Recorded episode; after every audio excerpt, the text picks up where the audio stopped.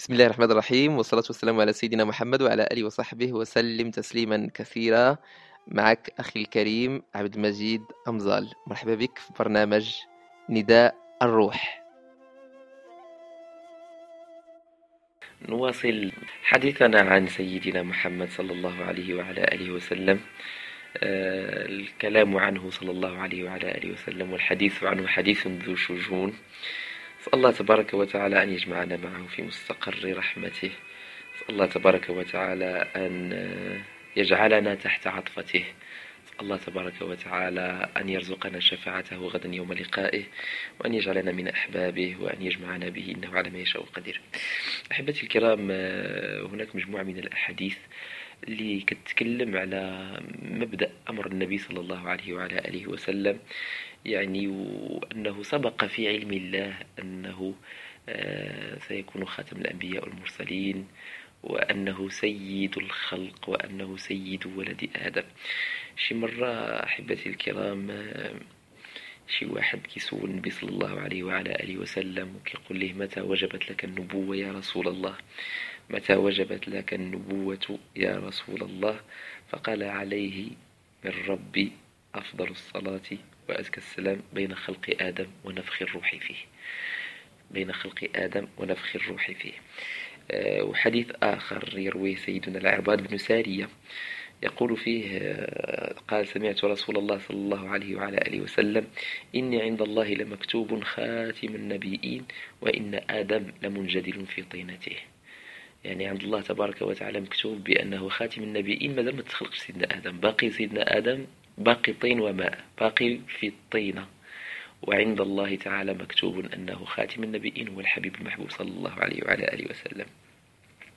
كتعرفوا أحبتي الكرام بأن آه، هذا العالم اللي كنعيشوا فيه حنايا الآن وهذا الكون والدنيا وهذه الكواكب والمجرات وهلم جرى هذا يسميه العلماء عالم الخلق.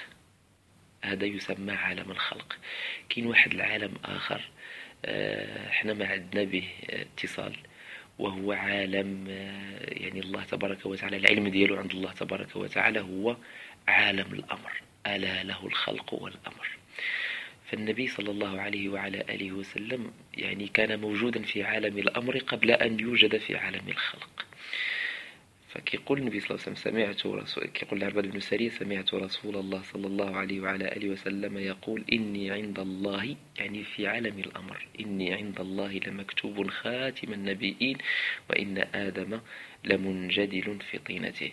وبلغ من شرف رسول الله صلى الله عليه وعلى آله وسلم ومن كرامته على الله ومنزلته عند الله أنه الأجداد ديالو كلهم من سيدنا آدم إلى أبيه سيدنا عبد الله وأمه آه، لا أمينة بنت وهب أنهم كلهم يعني الجدود كامل والأباء ديالو كاملين كانوا أناسا طاهرين ولم يصبهم آه، يعني ما كان من سفاح وما كان يعني من من أمور يعني مفسدة.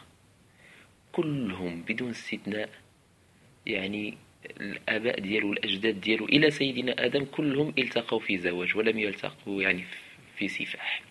قال صلى الله عليه وعلى آله وسلم والحديث يرويه سيدنا علي بن أبي طالب قال قال رسول الله صلى الله عليه وسلم خرجت من نكاح ولم أخرج من سفاح من لدن آدم إلى أن ولدني أبي وأمي لم يصبني من سفاح الجاهلية شيء.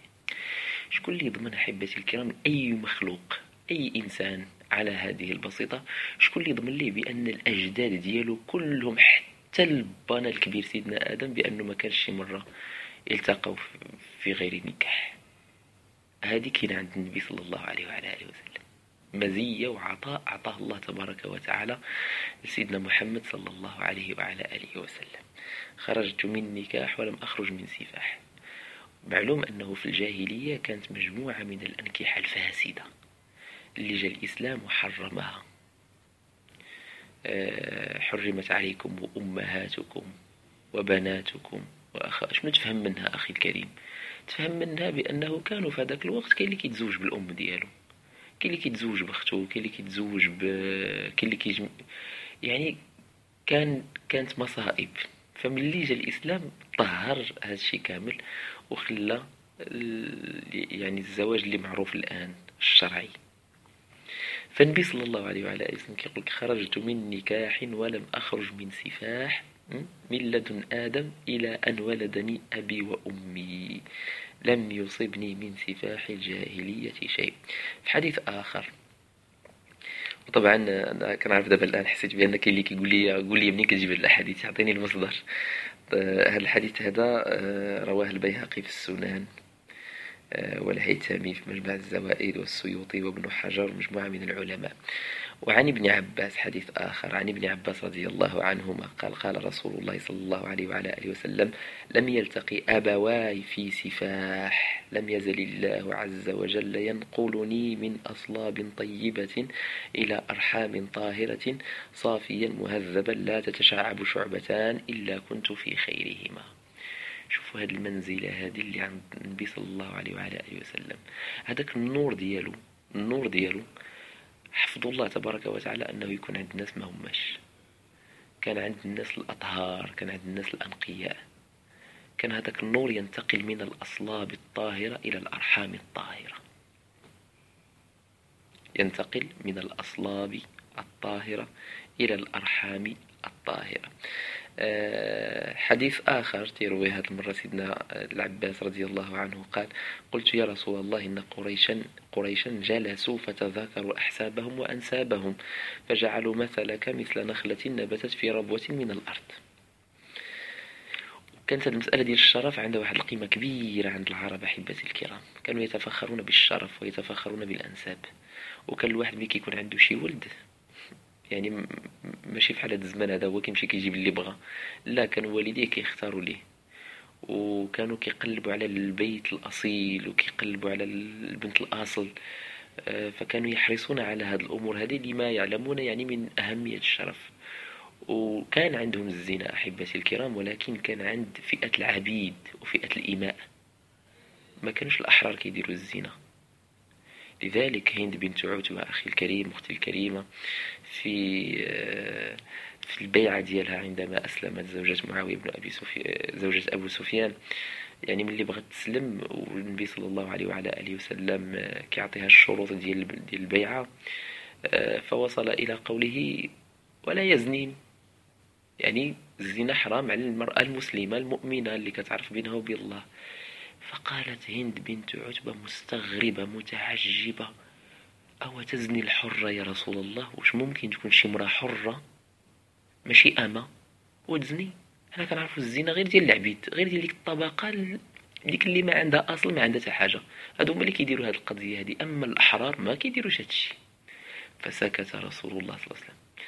كأنه كيقول لها دابا نشوف مازال مازال الحال. باقي جاي واحد الزمان غادي يولي التفاخر وغادي يولي آه غادي تولي أمر عادي يوليو الناس يفتخروا بي ويقولوا شنو فيها وأنا حر ندير اللي بغيت وكذا. هند بنت عتبة على نيتها في هذاك الزمان كتقول لي أوا تزني الحرة يا رسول الله. فالمسألة ديال النسب والمسألة ديال الأصل كانت عند وديال الشرف كان عندها واحد المنزلة كبيرة جدا عند العرب. حتى أن الواحد منهم عندما كانوا يعني يقتلون بناتهم صغارا راه اللي كيخليهم يديروا هكذا هو أنهم كانوا تيخافوا تيقولوا لا وتقدروا هذا و... فيا المسكينة هذيك الفتاة؟ إنه كيخاف من العيب وكيخاف من العار وكيخاف بطبيعة الحال هادشي حرام وإذا الموؤودة سئلت بأي ذنب قتلت. على أي فقريش جلسوا فتذكروا أحسابهم وأنسابهم ويفتخرون وكذا وشبهوا رسول الله صلى الله عليه وسلم بواحد النخلة نبتت في ربوة فقال العباس رضي الله عنه فغضب رسول الله صلى الله عليه وعلى آله وسلم وقال إن الله عز وجل حين خلق الخلق جعلني من خير خلقه.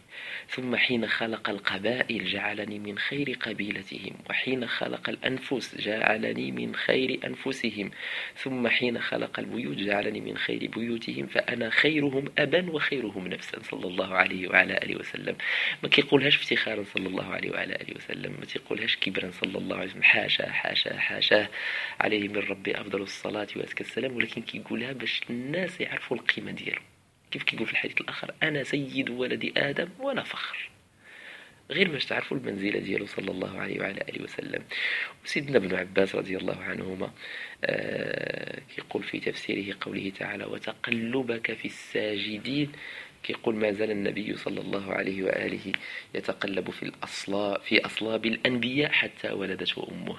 فالله تبارك وتعالى أن ينفعنا بذكر الحبيب المحبوب الشفيع المشفع صلى الله عليه وعلى آله وسلم. نبقى مع هذا الفاصل ثم نواصل بعده مباشرة.